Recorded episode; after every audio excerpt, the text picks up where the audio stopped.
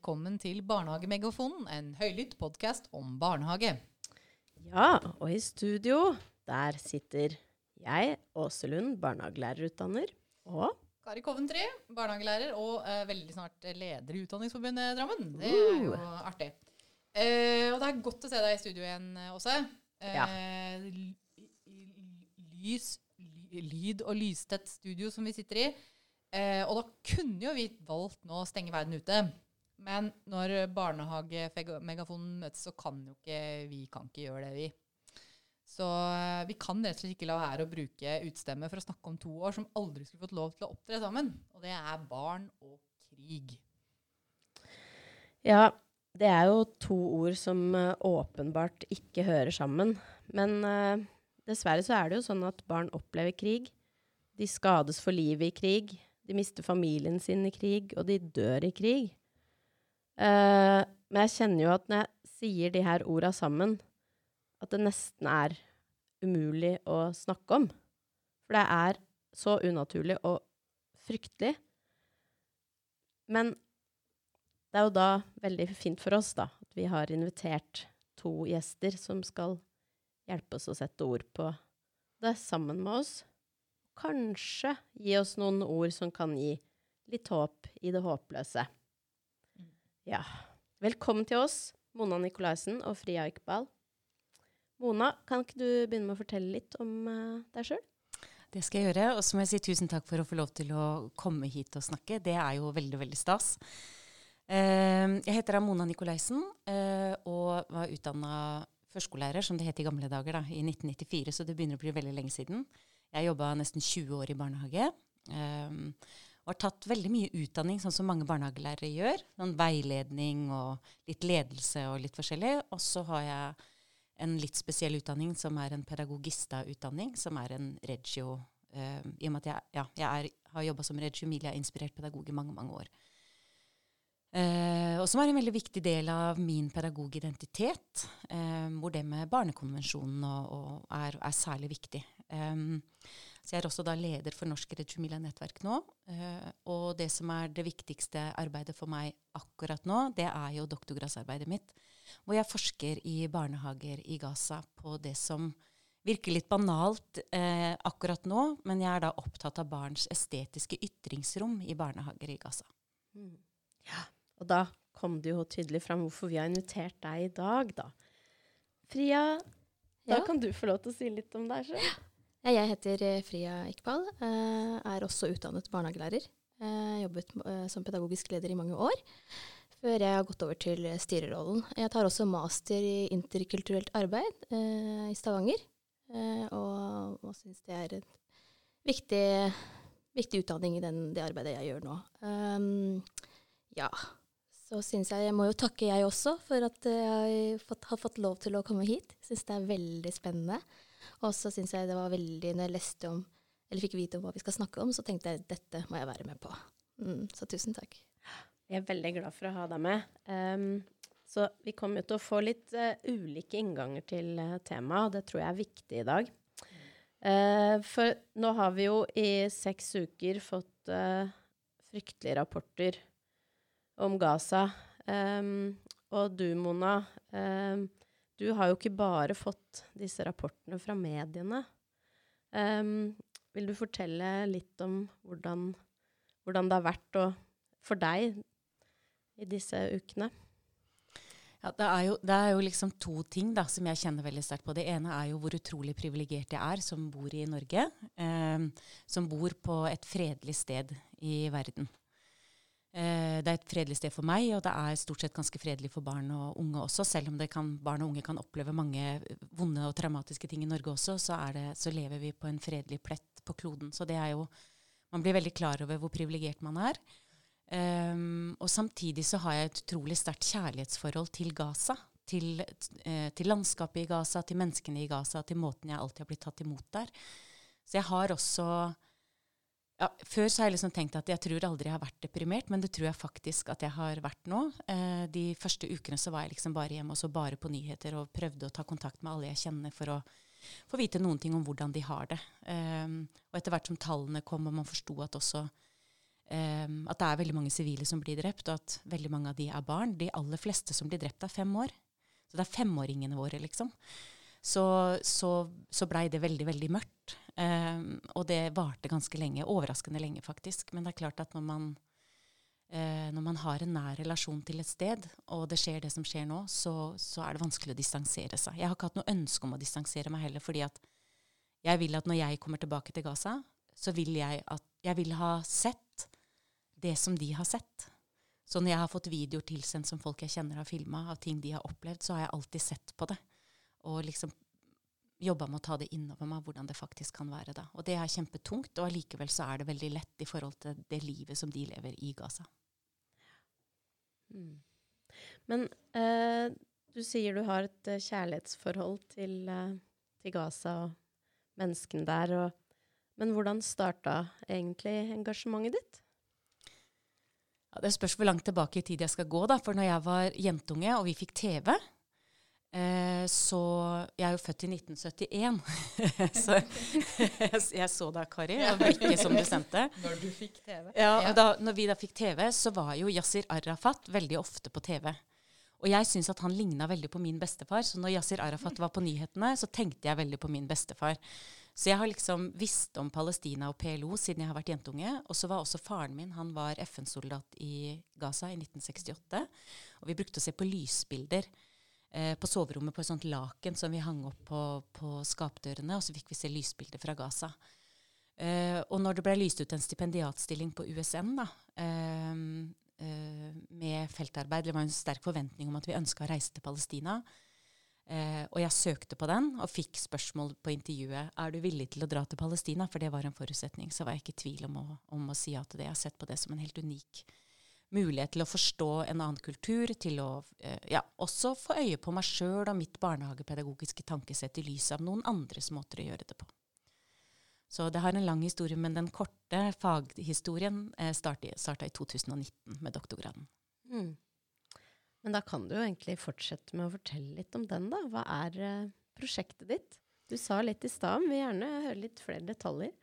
Ja, det er jo Altså um, Jeg er jo veldig opptatt av materialbasert pedagogikk, som jeg kaller det. Altså jeg, jeg tenker at, uh, at, det å arbeide med, med, materialer, altså åpne materialer, hva nå enn det skulle være, det tror jeg har betydning for for hvem man blir i møte med hverandre. Og jeg tror også at det, barn har gjort det alltid.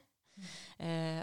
Og, og, jeg så for meg liksom at, at jeg skulle kunne observere barn i egentlig de aller yngste. Fra ett til tre år var de jeg hadde lyst til å, å, å, observere. Og se liksom hvordan tar de i bruk det som jeg definerte som stedlige materialer, hva nå enn det var. Og jeg så for meg at det kunne være rester av bygningsmaterialer eller gjenbruksmaterialer eller, eller, eller, ting som Ja, sånn som man ser liksom at de kan finne rundt omkring og drive og leke med eller skape noen ting med. da. Uh, og når jeg kom dit, så lærte jeg jo at det er ikke så mange av de aller yngste som går i barnehage. Det er stort sett fire- og femåringene. Og så er det noe med hvilke barnehager man komme inn i, og, ja, og, alle disse tingene. Så prosjektet mitt har justert seg ganske mye fra det som jeg planla. Sånn er det ofte når man tar doktorgrad. Eh, sånn at, eh, så når jeg kom inn i en barnehage og fikk lov til å være der og observere hvordan, hva gjør dere her når dere, når dere eh, jobber i barnehage, og hva, hva, slags pedagogisk tilbud får barn i barnehager i Gaza, så, så så jeg veldig fort at det var veldig annerledes. Um, og jeg så også samtidig at det var veldig likt. Uh, fortellingene var forskjellige, og de var like både fra barn og fra, fra de ansatte. Um, og det som jeg blei veldig nysgjerrig på, for det er ganske voksenstyrt pedagogikk, um, litt sånn skoleforberedende, så lærerne vil veldig mye på barnas vegne, fordi at også foreldrene har forventning om det. Det kan vi jo sikkert kjenne igjen fra norsk kontekst mer og mer også. Ja, det kommer det. Mm.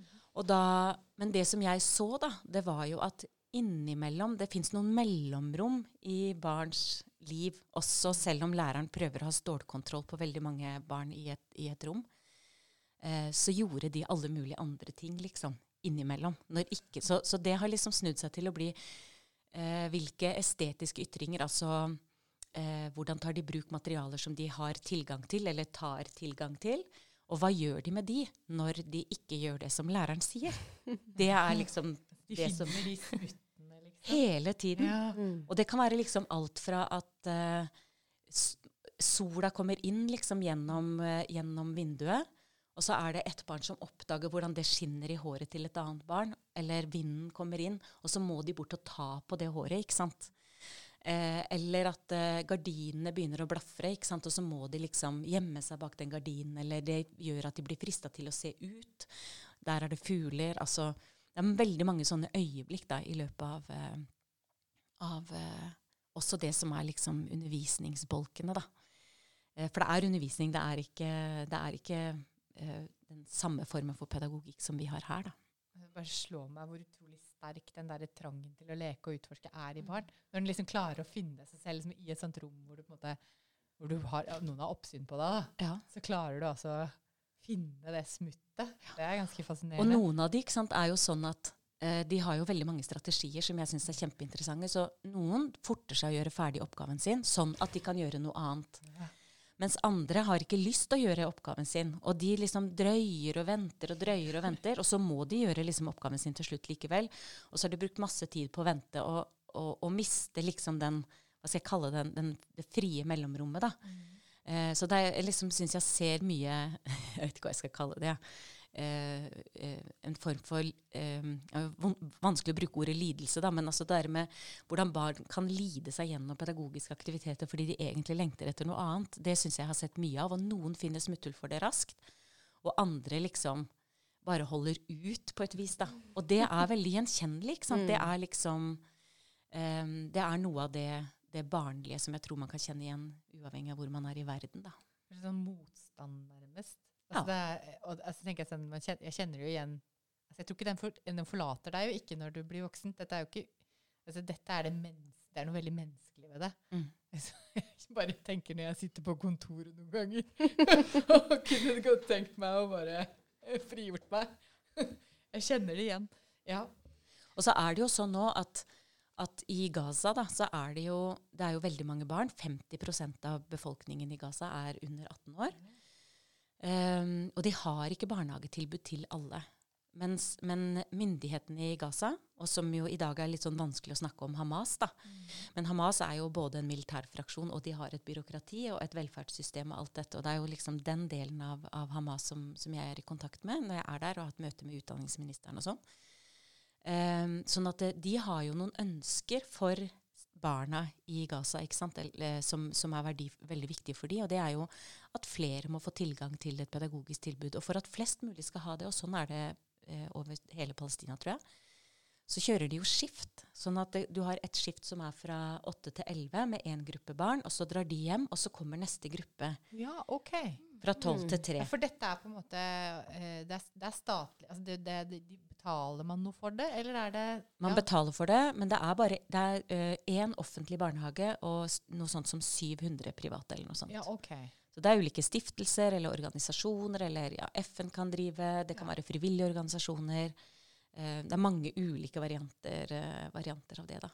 Men for at flest mulig skal få et tilbud, så kjører de liksom to, to skift i løpet, i løpet av en dag. Ser de på det litt som en del av et utdanningsløp, nærmest? Mm. For det høres jo litt sånn ut når du beskriver det som på en måte en slags skole. Ja. ja.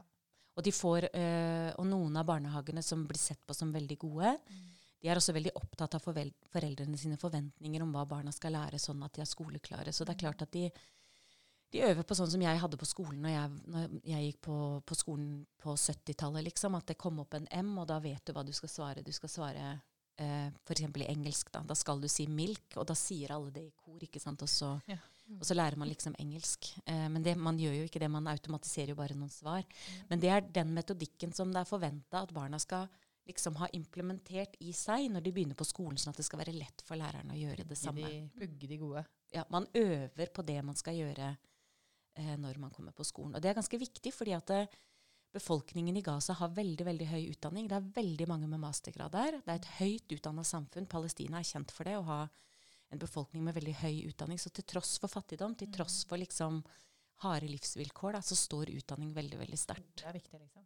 Skole er viktig, og det er veldig mange universiteter på Gaza også. Og, og, det å, og derfor er det også noen av barnehagene var det jeg skulle egentlig si. De, de begynner å levere på poeng når barn er ferdig i barnehagen, sånn at man liksom kan sikte seg inn på om de er flinke nok til å uh, Ja, at de får bra score da, eh, når de er ferdig med barnehagen, sånn at de kan, det er håp for familien. Og når de kommer på, barneskolen og videre på ungdomsskolen og, og videregående skole etter hvert. Un høyskole og universitet. Minner litt om det jeg har hørt om barnehager også i typ asiatiske land, hvor man også Mm. har en sånn tanke om at man liksom kommer inn på en bra barnehage, så kommer du inn på en bra skole, så kommer du inn på en bra ikke sant? At Mm. alt følger etter da, hvor Mm. du starta hen. Ja, kjempeinteressant. Og det er klart at når livsvilkåra er sånn som det er på Gaza, som jo er et sted som har vært under blokade og i 16-17 år, 17 år tror jeg det er nå, eh, så er det klart at det å ehm, det, ligger et, et, eh, det ligger en sterk vilje til å forbedre et samfunn. Det ligger en sterk vilje til å satse på barna. Og det er jo også mange som sier at, at før de fikk barn, så, så, så forsto de ikke meninga med å leve. Men når de har fått barn, så har det blitt en grunn til å eh, jobbe for å sikre familien sin. Det gir liksom en ny livsenergi da, eh, til, til sitt eget liv også. Det å kunne liksom prøve å sørge for gode, gode vilkår for ungene sine. Mm. Og da er utdanning utrolig viktig. Selv om når du er ferdig med en master, så får du kanskje jobb på en isbar etterpå. Mm. Så det er høyt utdanna eh, jusselgere, blant annet, fordi at det er begrensa med jobber. Det er 10% av Gaza sin befolkning som har en jobb å gå til. Så det er ganske Det er lavt. mm. Mm. Og allikevel være villig til å satse på så mye eller satse så mye på utdanning, syns jeg er veldig sterkt. Mm. Og Du har jo du har jo også tilknytning til, eh, til høyere utdanning på Gaza Mm. gjennom et annet prosjekt. Um, og det handler jo om å utdanne barnehagelærere. Mm.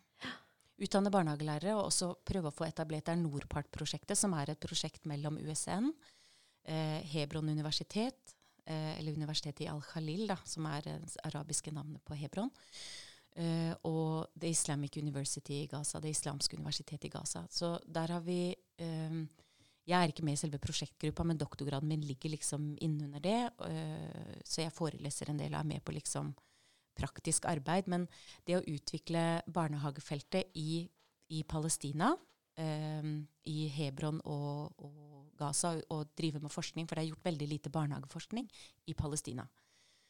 Eh, så det er én bit av det, den forskninga som vi gjør. Og det andre er jo å få til en eh, styrke barnehagelærerutdanninga. For veldig mange av de som jobber i barnehagen, er lærerutdanna. F.eks. arabisk lærer. Så de har ikke barnehagepedagogisk kompetanse. Og så er det også å, at vi har etablert en masterutdanning. Hvor det kommer studenter fra Gaza og Hebron bl.a. hit til eh, Drammen. Eh, og så, eh, så tar de deler av studiet sitt på sitt eget universitet og deler av studiet sitt her i Norge. Um, og nå er jo dessverre uh, veldig mange av universitetene, også det islamske universitetet i Gaza, er jo bomba. Um, og vi har mista en, eh, en av kollegaene våre, doktor Ibrahim, som var uh, professor på Det islamske universitet på avdeling for utdanning, og som også var i min forskergruppe. Så det er klart at denne krigen eh, Folk sier jo det nå at alle som kjenner noen i Gaza, kjenner noen som er ramma nå, fordi den er så stor. Og det merker også vi i dette prosjektet, at eh, eh, vi har mista en kollega til, eh, til krigen. Så det Vi holder på eh, Vi holder jo på å skrive en artikkel sammen eh, som nesten er ferdig, eh, som eh, doktor Ibrahim eh, er medforfatter på. Og som han ikke Han har vært veldig opptatt av at den må publiseres på høyt nivå, fordi at når, når Det islamske universitet får publisert, så blir de gjort synlig i verden som et universitet. De er veldig redde for å ikke bli sett, eh, for at de skal bli glemt som landområde. ikke sant? Så ved å ha gode kontakter på universiteter rundt om og publisere sammen med andre, så blir Gaza gjort synlig gjennom sine universitetsansatte. Eh, så det er eh, Og det er, det er en, på en måte Altså det er en stor sorg å miste en, en god kollega. Eh, og samtidig er det sånn, tror jeg, for alle som har en relasjon til Gaza, så vet vi at det er en del av hverdagslivet der. Og nå for de som bor der, men nå også for oss utenfor, da. Og det ligger en eh, ja, Det er kanskje rart å si det, altså, men det er eh, For meg så er den delen av nærheten med Gaza også viktig. Det er viktig liksom å eh, stå i det samme som de står i, på en måte.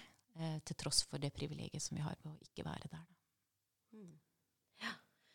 Ja, vi skal snakke litt mer om uh, måtte, ja, hva, hva nå med alle disse prosjektene dine og sånn når Ja. Um, men, men, jeg tenker vi skal um, la Fria få slippe til litt. Um, for du, Fria, du jobber jo i barnehage i Norge, Mm. men med barn som har flykta fra krig. Ja. Um, ja, Det, fortell litt ja. om det arbeidet ditt. Og så hvordan eh, Om barnehagen. Jeg tenker det um, Kjempeinteressant å få vite noe om akkurat den barnehagen som du jobber med. Mm. For det er ikke hvilken som helst barnehage.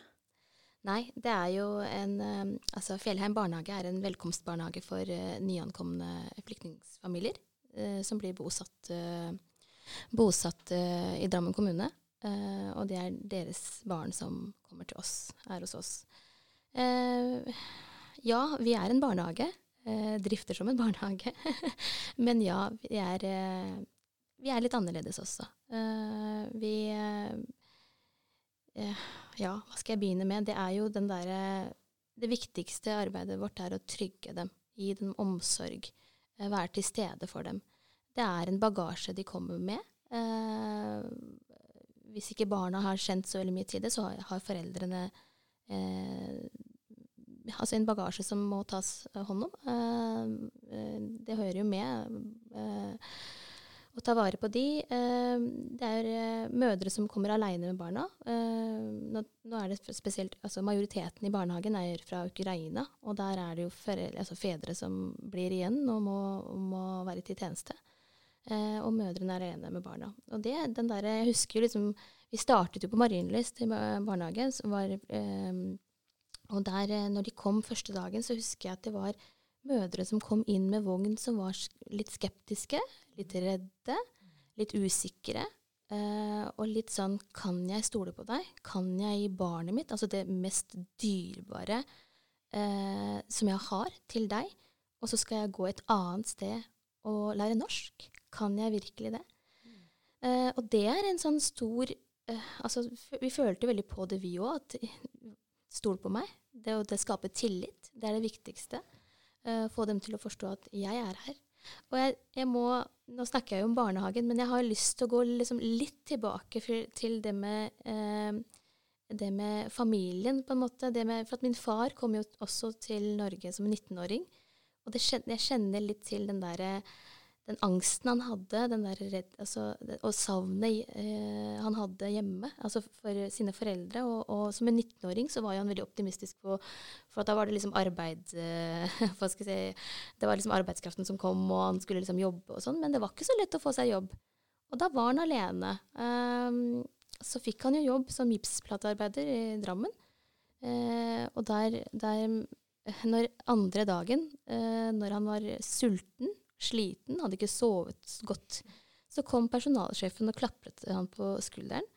Og, og da brast pappa i gråt. Han gråt og gråt og gråt, og, og denne personalsjefen tok med pappa inn på kontoret, lot pappa gråte ut.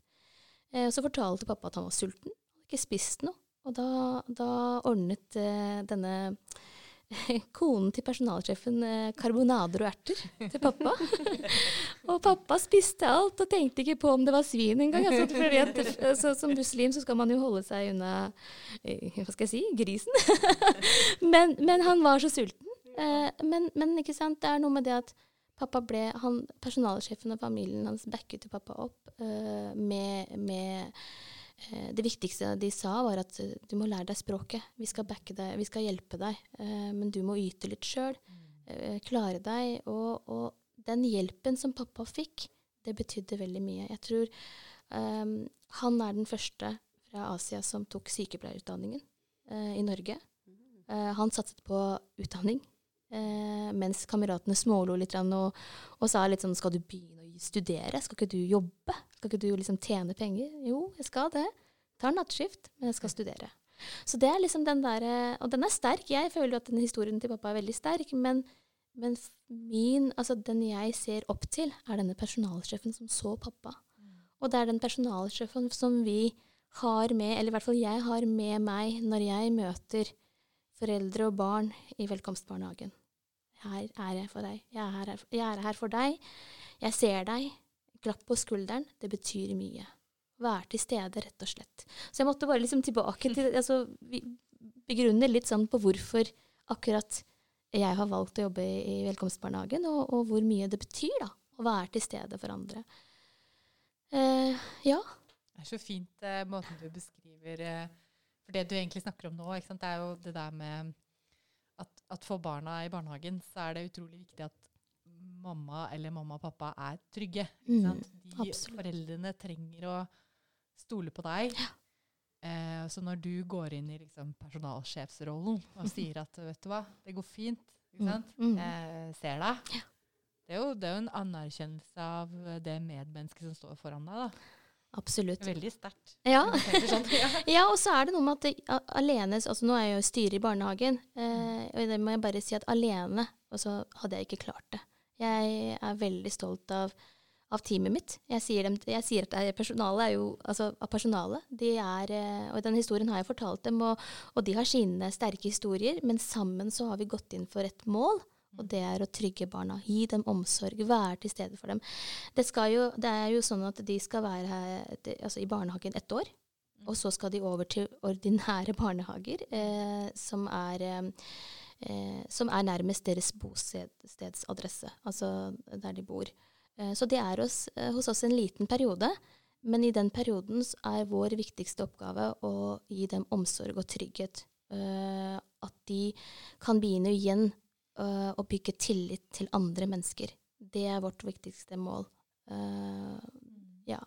Og ja, jeg har et brev som jeg lyst til, har lyst til å lese fra en foreldre, men jeg vet ikke om dere vil spørre meg om noe først, eller hvordan dere Nei, jeg bare ja? tenker, hvis uh, dette med at du har um, eh, Dram kommune har jo valgt å legge denne flyktningbarnehagen rett ved siden av der man har eh, voksenopplæring. Ja. Så det er jo et grep som Drammen kommune har tatt. Og jeg tenker sånn, hva er det Altså jeg tenker jo det er jo nå, nå tenker jeg at det er positivt. Jeg, jeg regner med at det er bra ting. Altså det der med at man er så nærme Eh, jeg ser for meg at det er bra da, og smart ja. tenkt. Jeg tenker jo at det er, det er bra. Uh, mm. fordi at før så var vi jo på Marienlyst. Uh, da ble det en sånn ikke sant? Først så leverte de, og så skulle de til skolen, mm. som var her på Fjellheim, og så tilbake. Det ble, og de, mange av dem har jo ikke bil. Så det, det, det, ble, det ble Logistikken var liksom vanskelig, da. Uh, nå er de på et sted. Uh, og så, så syns jeg det er så fint at vi har flyktningstjenesten også som uh, nabo. Mm. og da er det litt sånn, hvis det er noe vi ikke kan hjelpe dem med, så kan vi liksom si at vet du hva, ved siden av, bygget ved siden av er flyktningtjenesten. Mm. Da kan dere dra dit. Og det er lettere for dem.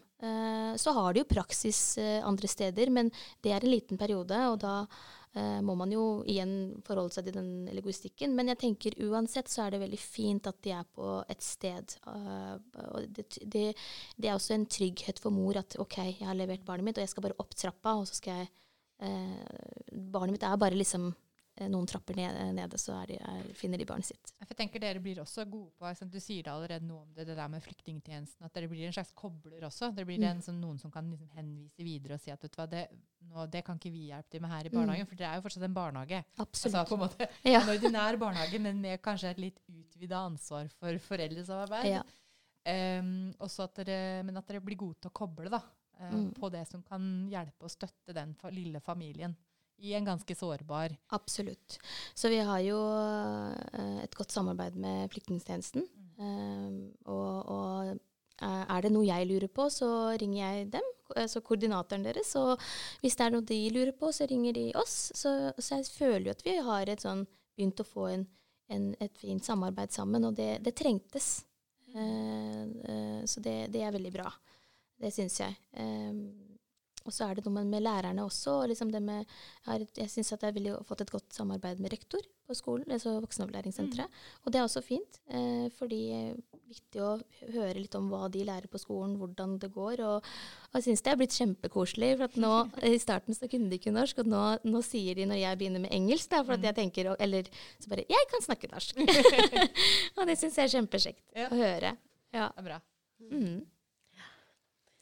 Men, eh, men, men, du hadde et brev? Ja. ja. ja jo, jeg hadde Ja, jeg tar jo med meg alltid noe fra barnehagen. Eh, det er jo et brev eh, Da var jeg Altså da vi fikk det brevet, det er fra fjor, eh, eh, og da var jeg pedagogisk leder. Men eh, dette brevet ble skrevet til styreren fra en mamma Eh, og så vil jeg bare lese det akkurat sånn som de har skrevet det. Vi er veldig takknemlige til Norge, Drammen kommune og særlig de barnehageansatter som hver dag gir våre barn trygg omsorg, støtte. I denne vanskelig eh, for oss-tiden viser de følsomhet, forståelse for den situasjonen vi er i.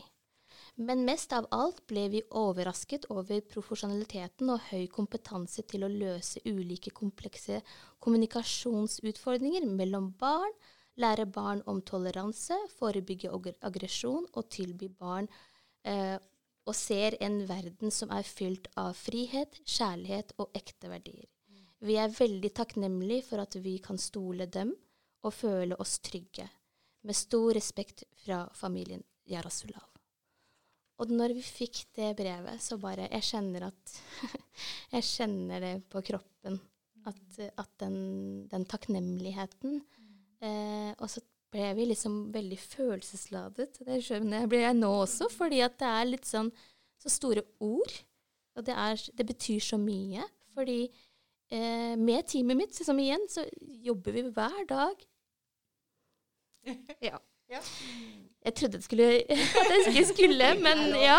Men det er noe med det at um, man føler seg det, det, er så mye som skjer. Um, og, ta tak i det og bare bli Altså, ikke sant? Man møter skeptiske foreldre, og så havner vi der at vi får et sånt brev. Det, det er stort. Det er veldig stort. Um, ja. Jeg tror jeg skal stoppe der. ja, for Eller så begynner vi. Ja. Uh, um, uh, nei. Oi, også nå må du ta over. Ja, ja. Du er zipperen av oss, Kari. Men kanskje jeg bare kan få kommentere en liten ja, ting? For jeg tenker det, at, at noe, av som, noe, av det som, dere jobber med, da, det, det, altså det å komme fra et, fra et, eh, et krigsområde da, som, som, familien fra Ukraina kommer fra, mm. Så veldig mange av de har jo med seg eh, varierende grad av traumer, vil jeg tro. Mm. Altså, en ting er at du, man må reise fra pappa når man vet ikke hvordan det er, men det har jo for mange av de også vært opplevelser i hjemlandet sitt, og etter at de har Altså på reisen ut av hjemlandet sitt, og, og det at man ikke vet når man kan reise tilbake og sånn. Mm. Og så tenkte jeg, når du fortalte nå, da, så tenkte jeg liksom at noe av forskjellen For jeg tror det kan sammenlignes litt med det å leve i Gaza under krig, og for så vidt også under blokade. Mm eh, disse traumene, da. Eh, og, så, og, så, kjente jeg så veldig sterkt når du snakka nå, at, at, pedagoger i Norge, da, barnehagelærere, fagarbeidere og assistenter i Norge eh, Vi kan på en måte greie å møte disse barna med traumene med et slags overskudd, da. Mm. Eh, fordi at vi er ikke bærere nødvendigvis av samme traume selv, ikke sant. Og det er jo noe av det som jeg kjenner så sterkt på i Gaza, fordi at alle er traumatiserte i Gaza, også mm. pedagogene. sånn at det, du kan si Alle de kvinnelige gründerne for eksempel, som har starta barnehage der, de gjør det med en utrolig sterk vilje fordi de mener at det er så utrolig viktig. Men, mm. men de gjør det også De har liksom et liv um, med base i en krig og en, en, en blokade. sånn at mm. der hvor dere kan levere på overskudd, så må de levere på, på veldig sterk vilje til ja. å gjennomføre og til å hjelpe og til å, mm. å få til dette som er så avgjørende viktig for barn å få være i en annen situasjon enn traumesituasjonen, som jo er det barnehage tilbyr, tenker jeg da. Mm. Kunne treffe andre barn, leke sammen. Eh, være i hverdagssituasjoner, sånn at disse traumesporene ikke blir så innmari dype. da. Mm. Absolutt. Eh, og det tenker jeg jo, jeg, jeg, elsker at du blir berørt av det du forteller om. fordi at det, det, sier noen ting om hvor viktig dette arbeidet er Absolutt. for mange, og som jeg også opplever at for de pedagogene i, som jeg har møtt i Gaza. Ja. Eh, veldig mange av de eh, noen av de er traumatiserte og burde ikke vært det er særlig i skolen burde kanskje ikke vært lærere, for de er ikke så flinke med relasjonskompetanse og sånn, sånn som de kanskje burde være. De mm. skaper ikke nødvendigvis trygge rom for barn. Men de som virkelig vil det, er drevet liksom av det samme. Um, som jeg tror er veldig likt for pedagoger over hele verden. Eh, viljen til å strekke seg langt for å få gode oppvekstvilkår for unger. Mm, absolutt. Og det, det er jo det som er jeg tenker at jeg er veldig uh, stolt av Og jeg syns det Jeg har jo snakket om dette her, og jeg snakker veldig mye om velkomstbarnehagen. uh, og med, med, andre styrere, uh, som f.eks. fra andre kommuner, som ikke har den ordningen at det er en, ordnet en velkomstbarnehage. Og de, de, sier jo at dette her, sånn som de sa, at Drammen kommune har gjort en viktig og riktig jobb i forhold til å gi en felles plattform Det er det de trenger først. De har, eh, ikke bare for barna, altså selvfølgelig for barna, men foreldrene også får en, mødrene får relasjon. ikke sant? Tenk at du kommer alene i en barnehage, i en ordinær barnehage og ikke har det språket tilgjengelig, f.eks. Vi har jo personale som snakker ukrainsk, russisk, arabisk. Vi har, eh, Nå sa jeg jo at majoriteten er fra Ukraina, men vi har også barn fra Syria. Vi har også barn fra deler av Afrika. Vi har eh, også barn fra Tyrkia. Eh, ikke sant? Vi har en, en eh, og, og, derfor så har vi personale også som, som snakker eh, språk som de kan beherske. Så, så, det er litt sånn det med, Ja, og så har vi tigrinsk, eh, en personale som er fra Eritrea. Som, ikke sant? Det har noe med å være til stede, forstå kulturen, samarbeide, eh, få en plass, felles plattform. De skal ut i vanlige barnehager, altså ordinære barnehager, men, men først må de få noe som de har i fellesskap. Det er viktig. og jeg jeg må bare si at jeg er veldig glad for at det ble en velkomstbarnehage i Drammen kommune. Det må jeg bare si. Mm.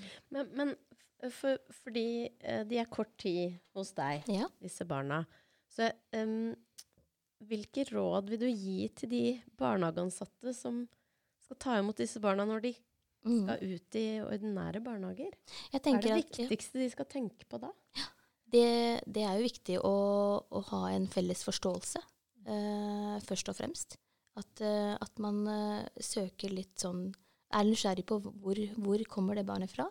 Ta kontakt med oss. Uh, og, og, snakke om, uh, om, ja, vi har et barn, hvordan skal vi liksom Vi kan kanskje gi litt råd på hvordan det har vært.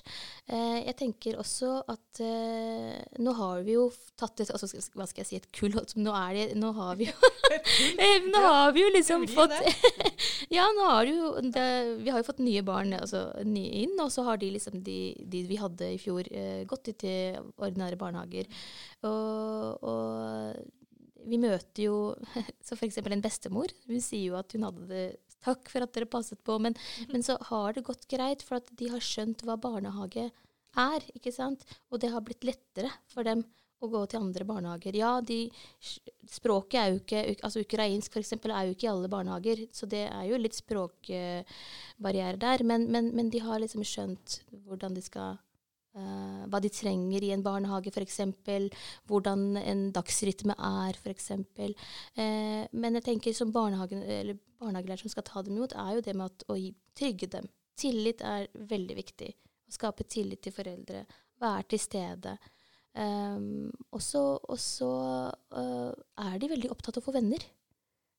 disse, altså barna er jo opptatt av å få venner. Det å skape liksom, trygge relasjoner. Eh, kanskje mindre grupper. Altså litt sånne ting i starten for å få dem inn i, i, i barnegruppa, da. Det tenker jeg er viktig. Men, eh, men jeg, jeg, kjenner jo barna som veldig åpne. Veldig, veldig glad i å leke. Eh, når vi starta altså åpnet Fjellheim barnehage, så var det jo rommet som på en måte var Det var liksom sugde seg til liksom, ting og så på hvordan det var. Og, og veldig glad for å ha, ha leker, f.eks. Så det er liksom de små, små tingene, men som betyr veldig mye, da. Uh, men jeg tenker tilstedeværende voksne er veldig viktig. Ja. Det slår meg når jeg hører på deg, at på måte, det som de trenger, er jo det som barnehagene skal være grunnleggende sett gode på. ikke sant? Dette er med å bygge relasjoner, med å gi forutsigbarhet, med å gi mm. gode lekemiljøer. Med å, med å gi dem på en måte det som er god barnehage. da. Eh, og, så, og, så, har dere i velkomstbarnehagen klart på en måte å legge grunnlaget for at, man, at foreldrene forstår hva barnehage er. Mm. At barna har fått smake på det å være i den, den typen gruppe. Da. Og det må jo alle barn som starter i barnehage, lære seg. ikke sant? Det er nytt for alle som starter i barnehage, ja. uansett ja, hvor du kommer, eh, kommer, fra i starten. Ja. Så det er sånn det slår meg at det handler egentlig om at kanskje barnehagefolka der ute må liksom stole på den kompetansen de har, da, og tenke at den, mm. det som er viktig, er å være, den, det som du sier om å være nysgjerrig på, og spørre, mm. lære om. Mm. Sånn som vi gjør med eh, alle foreldre som kommer innom oss. Ja. Men at her blir det kanskje viktig å være veldig på ja, tilbudssida, da. Fordi at kanskje det ikke kommer automatisk. At man må på en måte spørre litt mer. Absolutt. Og Ja. det, det syns jeg er veldig viktig, sånn som du sier, at, at man er på tilbudssiden. Mm. Er litt mer nysgjerrig. Men man, eh, altså, vi tryller ikke i Fjellheim barnehage, vi heller, liksom, for å si det sånn. Det er ikke noe, vi har ikke en sånn tryllestav. Men, men jeg tenker akkurat det sånn, sånn Hva skal jeg si Grunnmuren må være liksom den derre Tyngden må være på det å være til stede. Være Møte blikket. Uh, og så syns jeg det er litt viktig å finne den fellesmenneskelige generelt. Man kan møte familier fra Palestina, man kan møte familier fra Ukraina, eh, eh, Syria. Men hva er det fellesmenneskelige? Jo, det er at vi er mennesker alle sammen. Vi, vi, vi, vi, får det sårt. Altså, vi kan ha det sårt, vi kan, ha det, vi kan være glad. Spille på de, de tingene som er eh, Ja, fellesmenneskelig. Det er viktig. Så treng, så, så la, jeg tenker at veien blir til etter hvert. Men du må bare ha den derre nysgjerrigheten, tilstedeværelse, og f finne det fellesmenneskelige. Og så har da ikke sant, dere som jobber der, sånn som Mona er inne på, da, det overskuddet til å være der. Eh, Når foreldrene kanskje trenger å leges litt eh, Mm. når man har flykta på den måten. Men vi er jo litt tilbake til Du, du nevnte dette med Det er jo leik, ungene, leiken ungene er opptatt av, ikke sant? Ja. Da er vi jo litt tilbake der Mona starta, egentlig, med, i, med å fortelle om doktorgradsprosjektet sitt. Men Mona, kan barn på Gaza leke igjen? Ja, de leker allerede. Ja. Eh, barn leker også når det er krig. Ehm, og det er veldig mange flinke folk i Gaza som vet at det er viktig, og som sørger for at det blir lek. F.eks. når de bor sammen. Altfor mange familier på FN-skolene nå, så har de organiserte aktiviteter eh, for ungene i hverdagen. Nettopp fordi at de vet at det er veldig viktig, da. Um, og man ser at unger ler på ekte. Altså, men man ser også unger som, eh, som smiler fordi at noen tar bilde av dem, men du ser at det når ikke til øynene. Men, men det er liksom eh, det, man, man, Altså eh, Lek er jo på lat, men det er aldri bare på lat, for det må være på lat på ekte. ikke sant? Og det kan man på en måte se at det er. Og det er jo det er veldig sterkt, men det er jo også det som gir håp. ikke sant? Det er derfor vi vet at leken er så utrolig viktig. Og jeg, tenker, jeg har tenkt masse på det fordi at uh, i Palestina fikk sin aller første rammeplan i 2017. Og jeg har også vært med på å skrive rammeplanen i Norge. ikke sant? Og, og begge skal bygge på Barnekonvensjonen. ikke sant? Og, um, og det er også noe av grunnen til at uh, vårt forskningsarbeid har vært så viktig. Fordi at palestinske myndigheter både i Gaza og på Vestbredden er opptatt av barns rett til et godt pedagogisk tilbud. Og de har en ambisjon om å skaffe eh, barnehageplass til alle femåringer, f.eks. Både som et skoleforberedende tiltak i større og mindre grad. Jeg opplever at de i Gaza er litt mindre opptatt av det skoleforberedende. Utdanningsministeren der f.eks. sa at, at, eh, de var, at de gjerne ville at barn skulle få leke mer, og at de var veldig opptatt av at i Gaza så er det nødvendig at barn lærer seg Og jeg bruker ikke det norske ordet som blir brukt som er livsmestring, men jeg bruker ordet life skills, for jeg mener at det er noe annet. Det som, de må lære, Barn og unge må lære det som skal til for å leve under de forholdene som, som fins i Gaza. Da. Um, og de, for å få til det, så er de opptatt av å etablere barnehagepedagogisk kompetanse. ikke sant? Eh, for de ser at det er noe annet, og det er derfor vi som kommer utenfra også blir viktig, for vi kommer fra en annen tradisjon. Og, og når vi hadde forskergruppene våre da, på besøk her i Drammen bl.a., så var vi på besøk i ulike barnehager i Drammensområdet. Og Ibrahim, da, som nå dessverre ikke er eh, lever lenger, noe av det han hadde med seg tilbake, det var han var så eh, Han var altså så begeistra i en av barnehagene vi var i, fordi at han sa hvor lenge bruker de å sitte sånn med et barn på fanget? og så måtte jeg si liksom Ja, det er, eh, det er vel så lenge som det trengs, da, eller så lenge som han har tid til. Eh, og han blei veldig berørt av det, at en voksen kunne sitte på uteområdet med et barn på fanget. Eh, nå vet ikke jeg hvor lenge det var, vi var ute ganske lenge, kvarter 20 minutter, og de satt fortsatt sammen. Og når vi kom tilbake, når vi, eh, kom tilbake til Gaza, og han skulle liksom fortelle andre om hvilke ting han syntes var fint ved barnehager i Norge, så var dette en av de tingene som han vektla. Den nærheten mellom barn og pedagoger. Eh, jeg bruker ordet pedagog om alle som jobber i barnehage, da, bare sånn at jeg, eh, at jeg understreker det. Så, så det var liksom noe av det som han syntes var så utrolig verdifullt, og som han ønska liksom at skulle være em, hans bidrag gjennom sine fortellinger om hva som var verdifullt.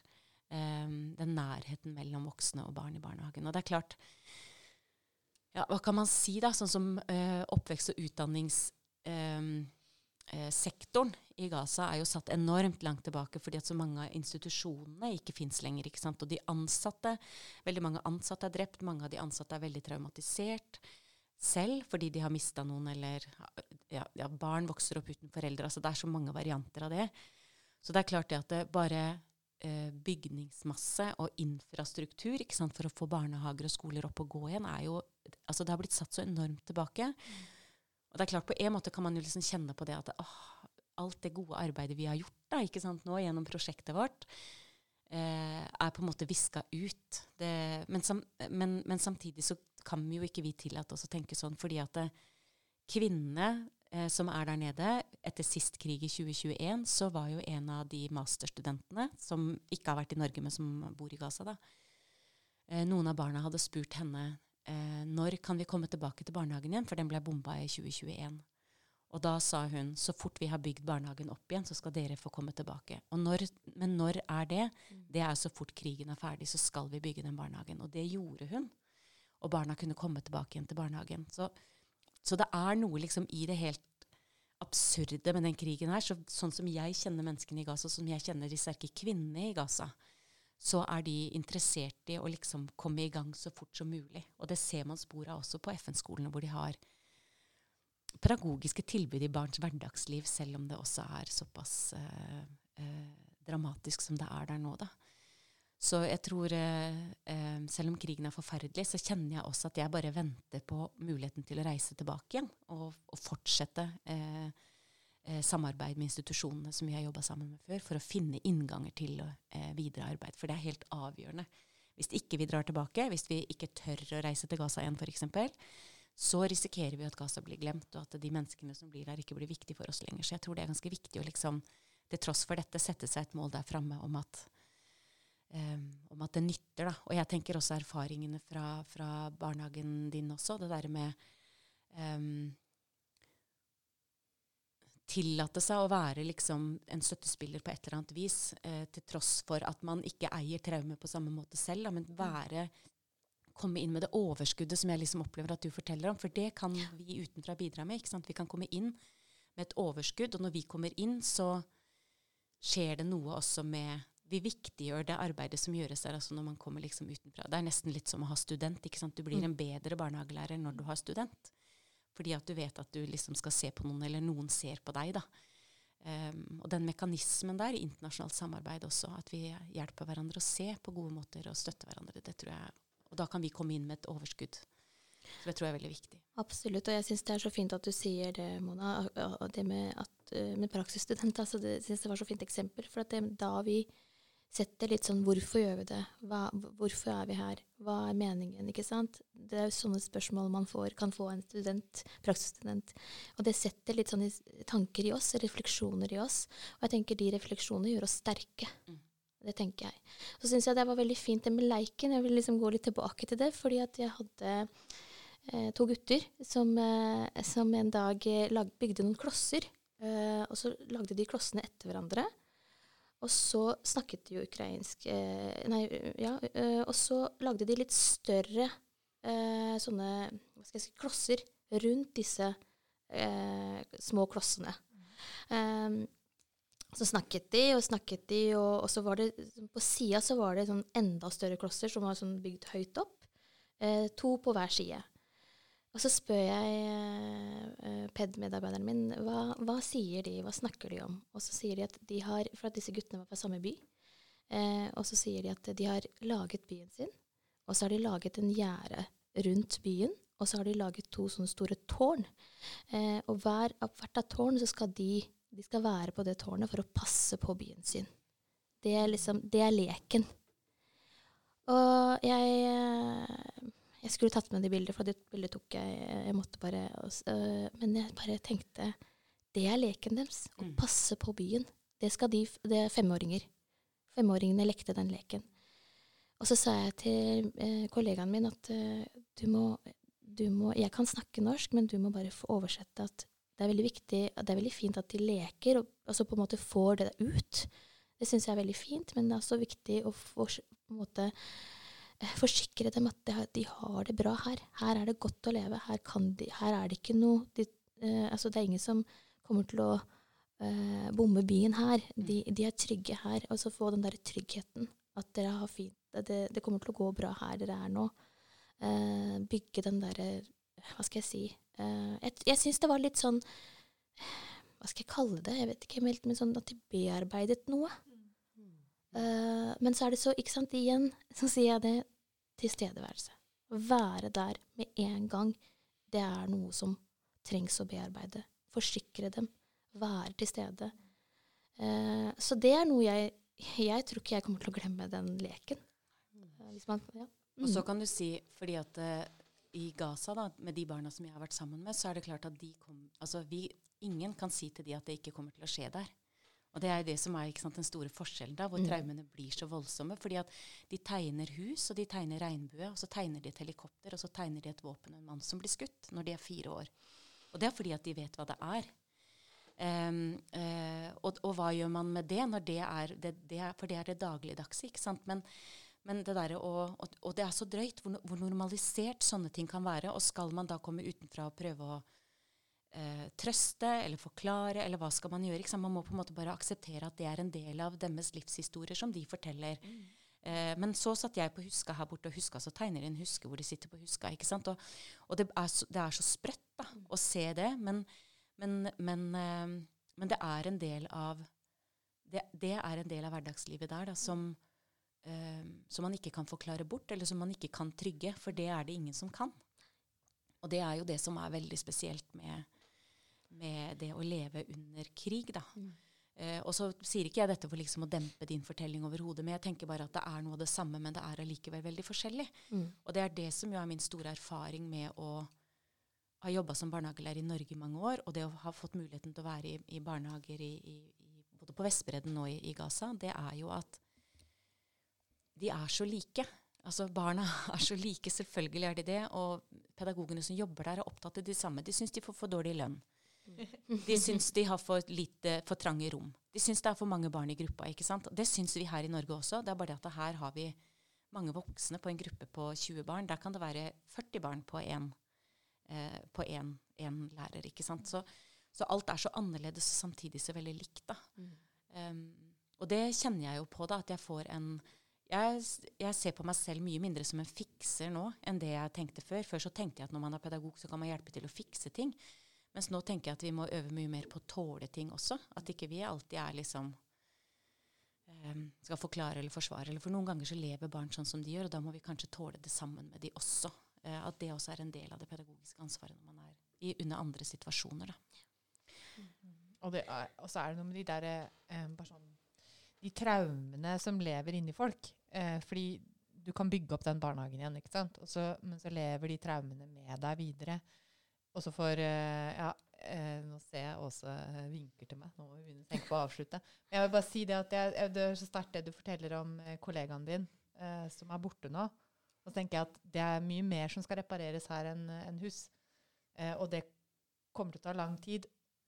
Og man kommer på en måte aldri til å Man kommer i gang med det igjen og igjen. Men så, så, lenge det fortsetter å bli ødelagt igjen, så må man på en måte hele tiden ha en restart. Altså, det er utrolig flott å høre om den motstanden som er i de kvinnene som du forteller om. Da. Så, um, og ordet robust får jo en helt annen betydning. ikke sant? Og det er det det handler veldig mye om. da. Som jeg tenker når de snakker om life skills. Altså Hvordan blir man robust nok til å orke å fortsette å leve? Eh, for det vil menneskene i Gaza. Det er det de sier hele tiden. Ja, men hva skal vi gjøre da? Vi må jo leve, sier de. Og så lever de til fulle, ikke sant? til tross for eh, hvordan det er der. Og det er ganske inspirerende, faktisk. Absolutt. Så sitter vi her, da i en, et trygt, lydtett og lystett rom i Norge og prøver å lage litt mening ut av det. Nå har vi i hvert fall forsøkt å lage en episode som kan uh, gi noen barnehagefolk litt inspirasjon og litt innsikt.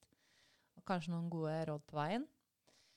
Så Åse, hva tenker du vi skal si helt på slutten her? Jeg syns, uh, jeg syns uh, Mona avrunda det på en veldig, veldig fin måte. Ja det er noe å lære av den motstanden som eh, man finner hos mennesker som lever egentlig i helt ulevelige forhold. Mm. Tusen takk for at dere ville være med oss i studio der. Det var helt eh, fantastisk å ha dere med. Tusen takk selv. Ja, tusen takk.